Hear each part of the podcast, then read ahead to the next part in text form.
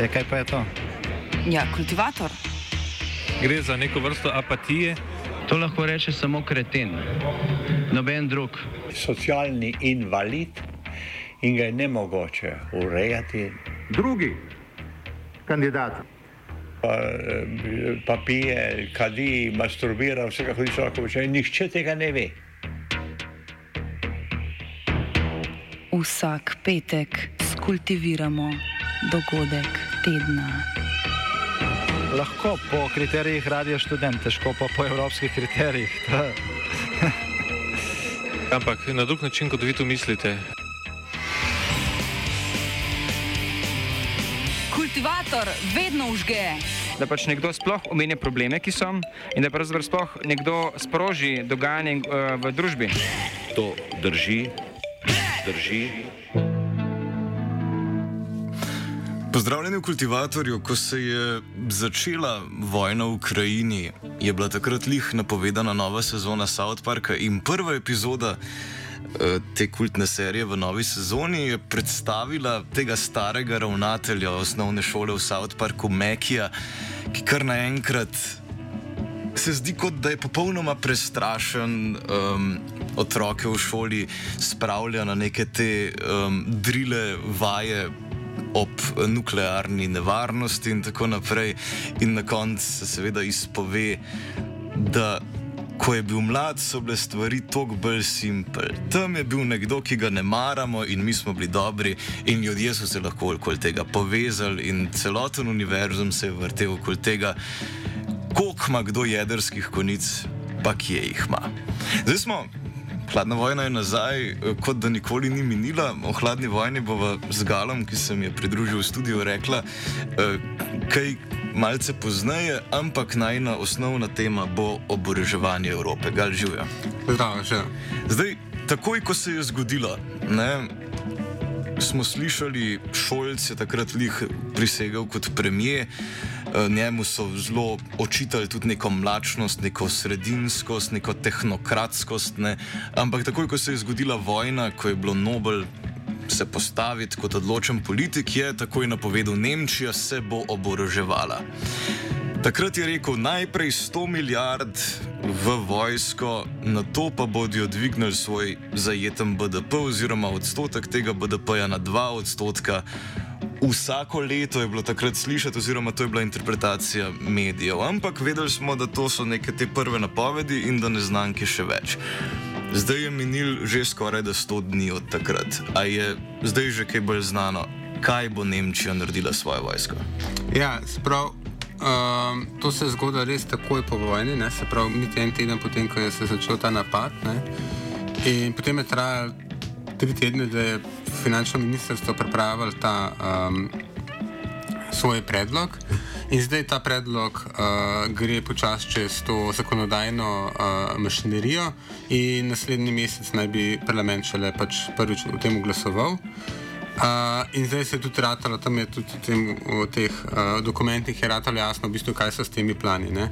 Se pravi, uh, jasno ta v vsakem primeru je ta, uh, tako zvišanje pač obrambnih proračunov pač nima um, uh, neke primerjave v zadnjih 40 letih, v bistvu še več. No, se pravi, um, kakšno je to povečanje, glede na to, kakšno je zdaj pač poraba. Ne? Jasno, Šolc prihaja iz socialdemokratske stranke, ki je bila v. Po, po pacu Berlinskega zidu, pač tista stranka, ki je načeloma, ker je bila vedno na, veliko krat v vladi, bila tista, ki je nekako uh, vedno hotela manjše pač izdatke za vojsko. Ne? Zdaj so pa pač predstavili 100 milijard je ogromna vsota, 2 odstotka je pa tudi zelo veliko na uh, gospodarstvo kot je Nemčija. Ampak, ampak 2 odstotka ne bi NATO zahteval od vsake članice. To je NATO vedno zahteval, ampak v bistvu uh, Nemčija je trošila v zadnjih 10-15 letih tako 1%, pa 1,2%. In jim to nihče ni zameril, ker imajo ogromen BDP. Ja, se pravi, kaj pa zdaj, uh, mislim, zamenjali sem druge stvari, kar se vojska tiče, ampak v bistvu denarja tukaj ogromno, ne, še tako in tako, ne, se pravi, Nemčija ima zdaj proračun okoli 40-45 milijard na leto evrov, recimo uh, Rusija, ki naj bi bila zelo eklatantna ne, pač v tem uh, diskurzu, ne, ima okoli 60. a Ne, se pravi, v bistvu Nemčija ima dve tretjine ruskega uporabnega proračuna v bistvu že s tem, kao pač uh, posem zanemarjeno vojsko. ne. Okay, zdaj pa, da, kako naj bi ta sistem funkcioniral, ki so ga oni predstavili, pa ta, ne, da je obramno, mislim, finančno ministrstvo je predvidelo nek manjši dvig a, proračuna na 50 v naslednjih dveh letih in v bistvu bo teh 100 milijard bo tisto, kar bo iz tega nekega normalnega dviga a, obramnih izdatkov to dvignilo na ta 2%. a ne. Se pravi, to, kar oni so v rednem proračunu predvideli, jih uh, pusti za eno vsako leto, ene 20 do uh, 25-35 milijardno luknjo. In uh, ta proračun naj bi pa pač do, dopolnil to. Ne? Ampak 100 milijonov ne bi flikali, 100 milijard, ja. ja. trenutno ne dajo do 2 odstotkov. Ja, ampak fora pa je v bistvu tukaj v tem, ne, da je to uh, gre v en poseben sklad, ki je na nek način v bistvu zunaj proračuna in se, kar je ključno, ne šteje v bistvu v. V to eh, zlato proračunsko pravilo. Ne. Se pravi, oni imajo te šuldne bremze, to je se pravi zavora, eh, dolžniška, ne, ki je bila pač uh, uvedena potem iz nemškega modela na, Evro, na celo Evropo znotraj tega vrčevanja. Ne. In uh, to je pa eno, to je pa pač ta sklad, pa pomeni, da je to neko trošenje, ki se ga država lahko privošči, ne da bi v bistvu uh, bila podvržena temu pravilu. Ne? In kar to pomeni, je, da v bistvu ta vlada lahko uh, poveča to obram, ta obramni proračun, ne da bi rabila. Um, Nekje sklepati neke, neke pač zmanjševati, nekje preusmerjati v bistvu proračunska sredstva. Torej, oni so ustanovili sklad zaradi tega, da bojo lahko z obramnimi izdatki zaobšli neke osnovne zakonske regulative, ki jih trenutno omejujejo pri trošenju. Ja, ki so bile v bistvu, seveda, te, te omejitve so pač, kadarkoli govorimo o nekih drugih izdatkih, pač vedno tista ovira, zaradi mm. katerih ne moramo pač po, po, uh, povečati trošenja. Znova se je izkazalo, da kjer je volja, se marsikaj da. Da, ja, tako. In, um, in tudi recimo ta sklad, ker čeprav je tako velik, ne, ima potem neke pač posebne, naj bi imel neko pravilo, se pravi, ne rabi v bistvu porabiti država tega točno v tistem letu. Ne. Tako da lahko država reče, da ja, imamo porabo 2%, ampak v bistvu tega denarja ne porabi, zato ker se nahaja ta denar v tem nekem skladu. Ne. In, uh, ampak Zanimivo pa je to, recimo država je predvidela, uh, se pravi, obramno trošenje do leta 2026 in to so zelo visoke vsote. Ne? Se pravi, do leta 2026 naj bi bil proračun 85 milijard evrov. Uh, se pravi, dvakrat toliko kot je danes, več kot dvakrat toliko kot je danes. In um, ta sklad posebni, ne, uh, pa v bistvu se izide matematika samo tri leta. Se pravi, v bistvu ta sklad bo služil zgolj tej vladi, ne, ta vlada ima še tri leta mandata. Tako da v bistvu ta vlada se ne bo poskušala uh, rabla ukvarjati s tem, da bo pač nekje šparala, za tega, da bo dala za vojsko. Um, Niso pa, uh, mislim, zaveza za to visoko trošenje za obrambo gre pa v bistvu često, uh, tudi dlje kot je ta vlada. Ne? Mogoče neumestno vprašanje, ampak ta sklad najbrž ne bo špekuliral s tem denarjem na finančnih trgih. Ja, ne, uh, kupoval bo nemške obveznice države. A, ok, najbrž. ok, ok. Um, ja, lahko, zdaj enkrat pa je pač to v bistvu usmerjeno predvsem v nabavo nekega novega orožja. Ne. Ampak da, da oni te zadeve zapišajo, uh, kakšno podporo v Bundestagu rabi Šolc in na to podporo ima. Uh, ja, to podporo, rabi dvotretinsko podporo v bistvu v parlamentu Torej pod- ustavno. Ustavno, zaradi tega, ker v bistvu ta sklad se bo v resnici zapisal v ta Grundgesetz, oziroma temeljni zakon, kar je v bistvu nemška ustava. Ne? Tako da v bistvu to bo, to bo postal del nemške ustave, ta, uh, ta, ta, ta sklad. Ne? In um, ja, mislim, A, a so kaj rekli, kaj, bojo, mislim, kaj so njihove prioritete, kje bojo posodabljali vojsko? Ja, v bistvu edini tak uh, stvar, ki je bila že objavljena, je uh, nakup ameriških uh, lovskih, mislim, lovskih bojnih letal, večnamenskih bojnih letal, teh tako imenovanih za radar manj opaznih letal F-35. Um, to je pač nek projekt, ki me, nemška vojska, ki se je vlekel zdaj kot deset let, kaj bo, oni rabijo zamen, hoče zamenjati neka letala, ki so stara.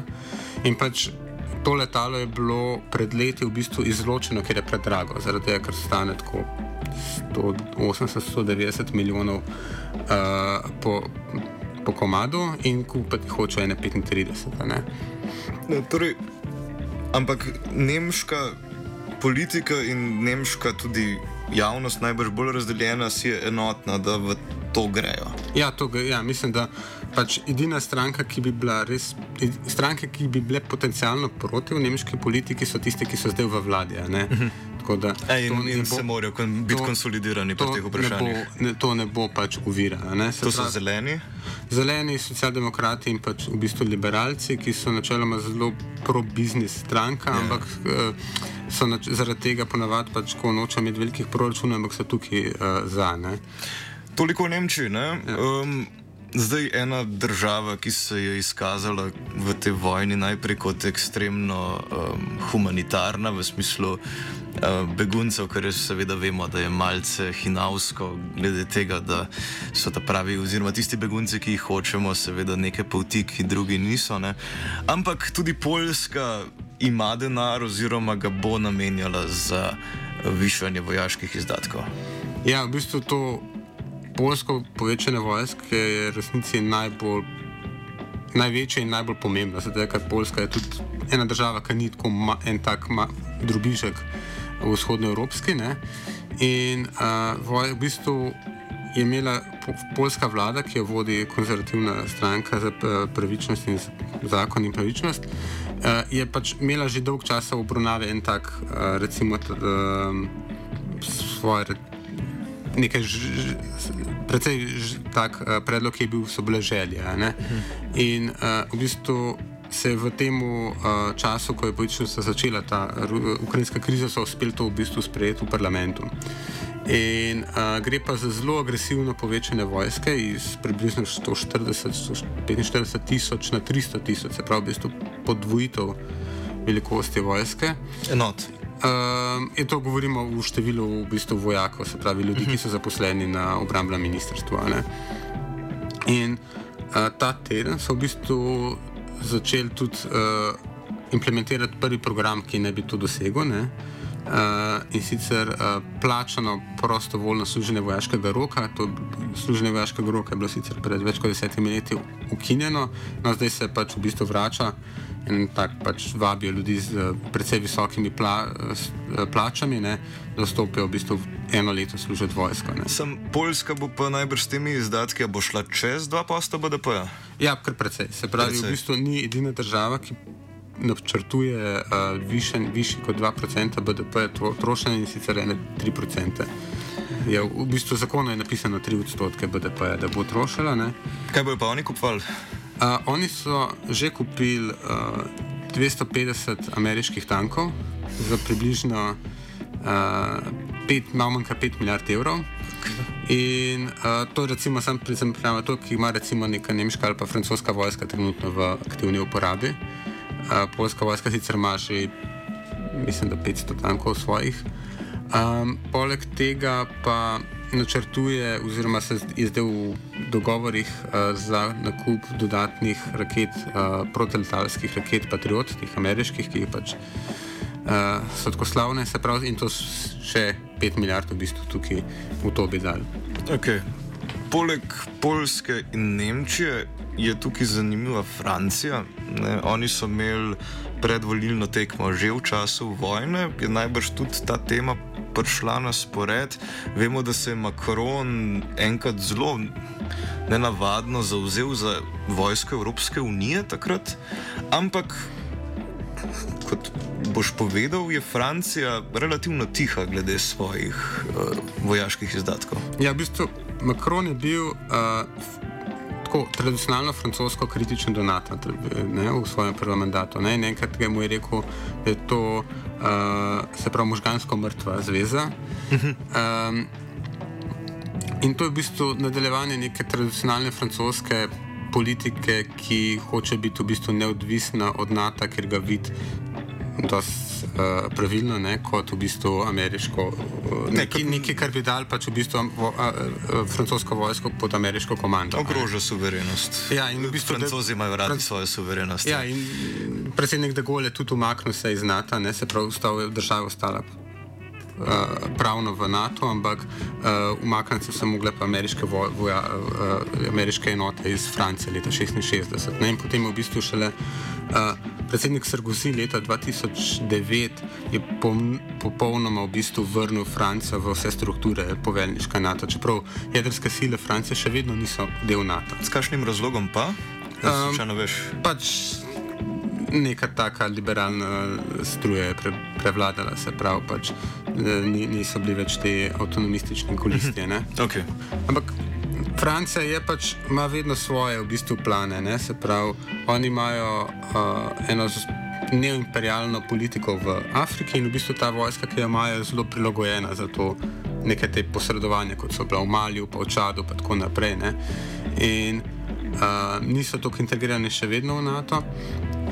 In v bistvu, kar je parlament zdaj naredil svoje poročilo, je to, da je v bistvu treba vojsko usposobiti za oborožiti za vojno v Evropi. ne.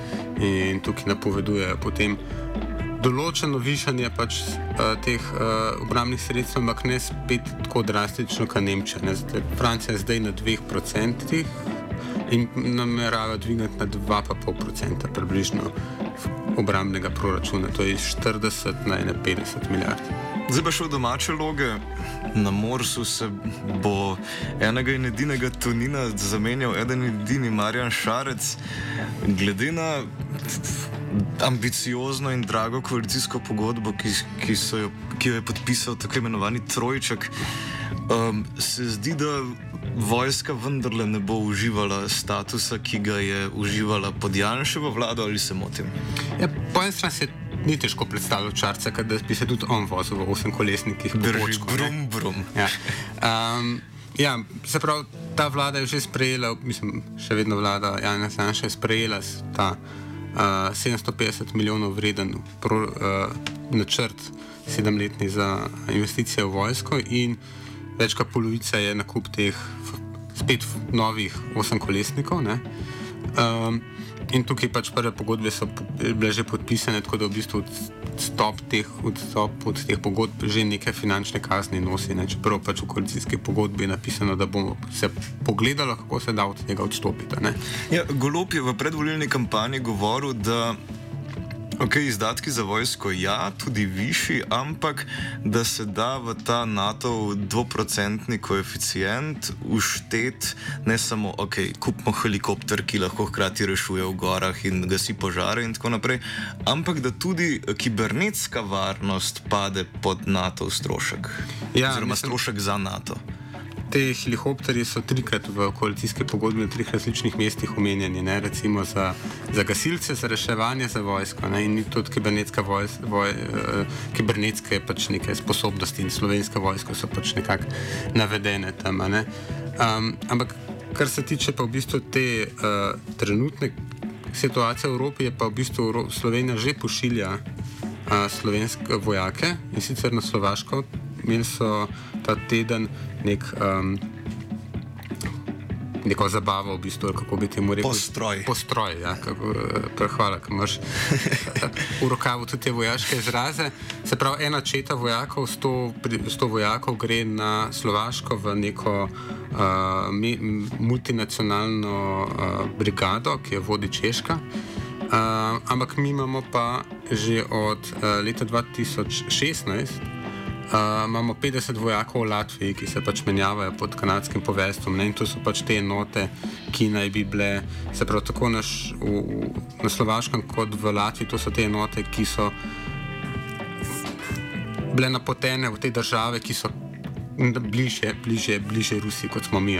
če sem prav zasledil v medijih, je ta 101 vojak uh, največji kontingent, ki gre na neko NATO misijo v zelo, zelo dolgo časa.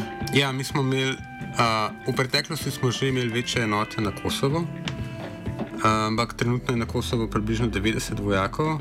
Se pravi, ta to bo v bistvu največja pač misija na tujini v, za slovensko vojsko. No. Okay. Zdaj, um, veliko teh razno raznih premikov, o katerih govoriva, ne, se dogaja pod okriljem nekih skupnih misij Zveze NATO. Ampak NATO enote imamo pač praktično povsod. Ne. NATO enote so po celi, po celi Evropi, kar je, kar je NATO v Evropi, so tam ne nazadnje tudi američani. Ne. Kaj pa američani? Vemo, da je vsak, vsaka vojna dober izgovor, ne nazadnje celo najno oddajo že govoriva o tem, da je bila. Vojna nek dober izgovor, da so se na vojaškem področju neke stvari začele premikati, ki so bile prej mogoče samo latentno prisotne. Kako so se ZDA odigrale svoj šah v nekem um, časovnem oknu, ki je za oportunizem vrst, take vrste zelo primeren? Ja. Uh, ameriški zunani minister Antony Blinken je včeraj povedal, da je še vedno glavni v bistvu, nasprotnik uh, ZDA, še vedno Kitajska, čeprav je Rusija mogoče v tem trenutku. Taka tamponska uh, cona. Uh, tista, ki jo pač več pozornosti zahteva. Ne? Vemo, da imajo Rusija in Kitajska skupne vojaške vaje. Ne. Ja. Mislim, američani uh, so zelo očitno še vedno v bistvu usmerjeni na, na Pacifik. In uh, mislim, da tudi te izjave, ki so jih dali, so pač zelo jasno pokazale, da, uh, oni, kako oni vidijo ukrajinsko uh, uh, vojno. Se pravi, uh, en, uh, Austin Lloyd, uh, ameriški zunanji uh, obrambni minister, je bil uh, na Polskem pred kratkim tudi zaradi tega, da, je, da so se menili o teh uh, nakupih, ki smo jih prej omenjali, in je opisal ameriško strategijo kot win and weekend. Se pravi, win, po, kot Ukrajina naj zmaga, čeprav so potem bili zelo nejasni o tem, kaj naj bi zmaga za Ukrajino pomenila. Um, potem weekend, se pravi, oslabiti. Pa, To pomeni, uh, se pa nanaša to, naj bi uslabili Rusijo do te mere, da takih vojaških operacij ne bi mogla početi. Prav v bistvu govorijo zelo direktno o izčrpavanju Rusije, uh, ruske vojaške moči. In to ne samo prek ekonomskih sankcij ali pa. Ne, to je pač deklarirano kot, uh, kaj je smisel ameriške pomoči Rusi, Ukrajini, Ukrajini vojaške. Ja. Prav, tukaj je v bistvu bilo, vse mene presenetilo, pač, koliko je bilo to eksplicitno povedano. No, Win and weekend. Ja. Um, so pa povečali število vojakov v Evropi. Letos se pravi v nekaj mesecih okoli 60 tisoč na a, približno 100 tisoč, ker jih je trenutno in pravijo, da v bistvu to je to. No? Se pravi, ne bo drastično povečeval svojih prisotnosti. Pod prispevek na spletu boš nalepil tudi tole interaktivno povezavo glede tega, koliko ima Amerika, kje vojakov in um, če se na hitro razgledava. Države, ki so izpostavljene, so Italija z 11.500 ameriškimi enotami na svojem ozemlju, Združeno kraljestvo z 11.000, Poljska z 10.500 in Nemčija. Po nekem razlogu, mogoče še eh, kot posledica druge svetovne vojne, boš ti povedal 38.500. Za primerjavo, v Sloveniji jih je pet. Ja, to ne so... 5.000, pet, pet, pet ja. ameriških vojakov. Uh, to je pač iz posledica hladne vojne. Se pravi, Amerika je tekom hladne vojne zgradila v bistvu mala mesta v, v Ameriki, eh, ne, pardon, v, v Nemčiji. Kot oporišča. Kot oporišča, ja, zato ker so bili v bistvu vojaki tukaj nastanjeni. Stalno, kar pomeni, v bistvu, da pridejo s svojimi družinami in tukaj in pač, živijo. In živijo tukaj so mesta uh, z ameriškimi trgovinami in tako naprej. Walmart. Ja. Um, In pač v bistvu Nemčija ima več teh letalskih baz, Rajmštajn je ta glavna, ne? ker je v bistvu vsa uh, ogromna neke logistike, tudi za voj, ameriške vojne na Bližnjem vzhodu je potekala preko Nemčije. Uh, isto so v, v ameriške baze v, v, v Italiji. Uh, nam relativno blizu je Aviano v severno-vzhodnji Italiji. Uh, in recimo v Aviano so nameščene tudi atomske bombe. In tudi v Nemčiji ne, so atomske bombe nameščene. In potem jasno v Italiji so še uh, poveljstvo uh, sredozemske flote, ameriške mornarice, pa potem imajo uh, vojašce, prav predvsem letalska oporišča v, v, v, v Veliki Britaniji.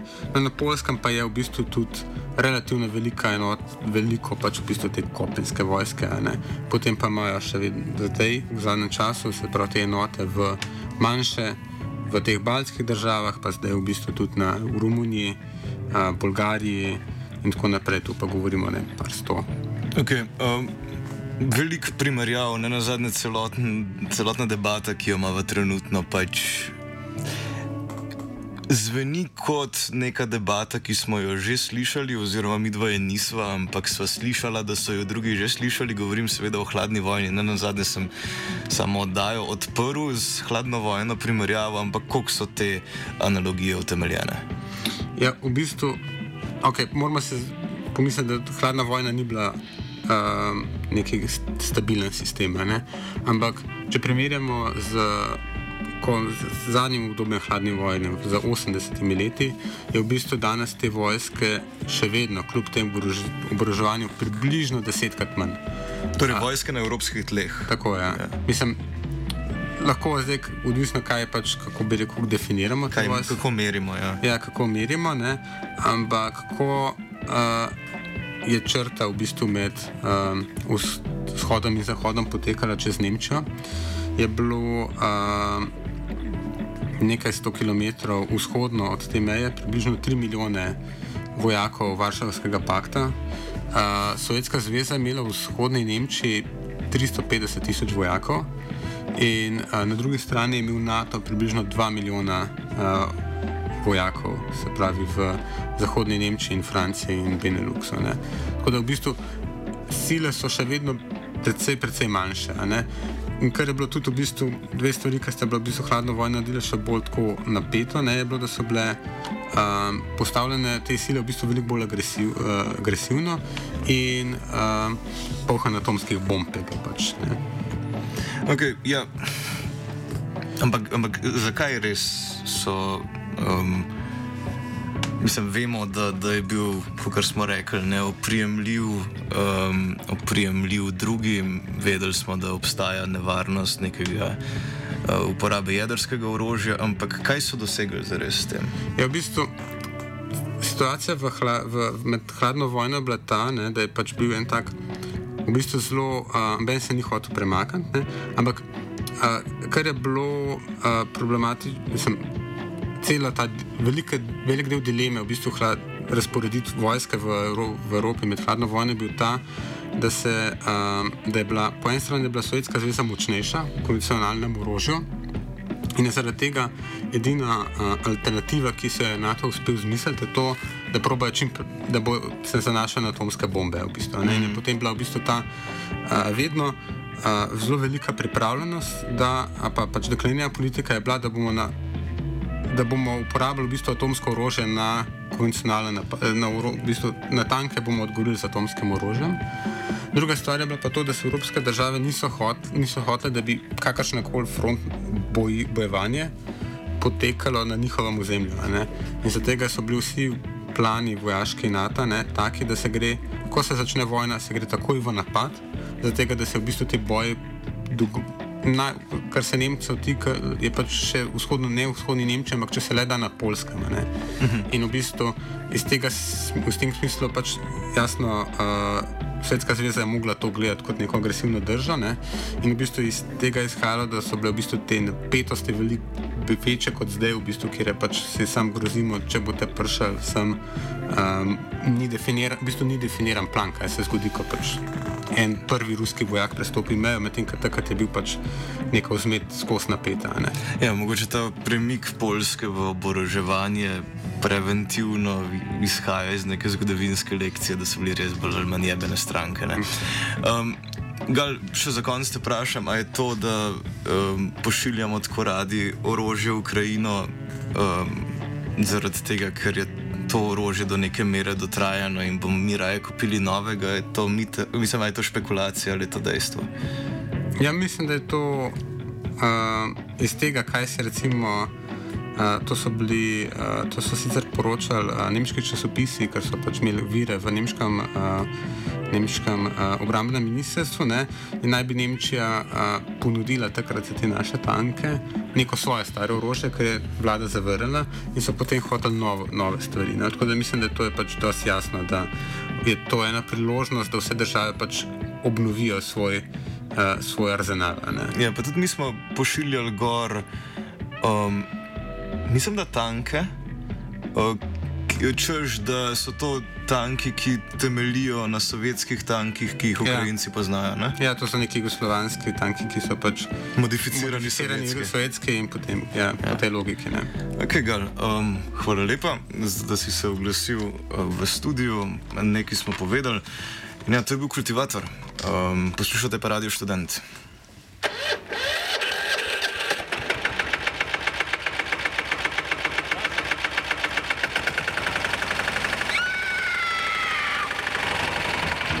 E, kaj pa je to?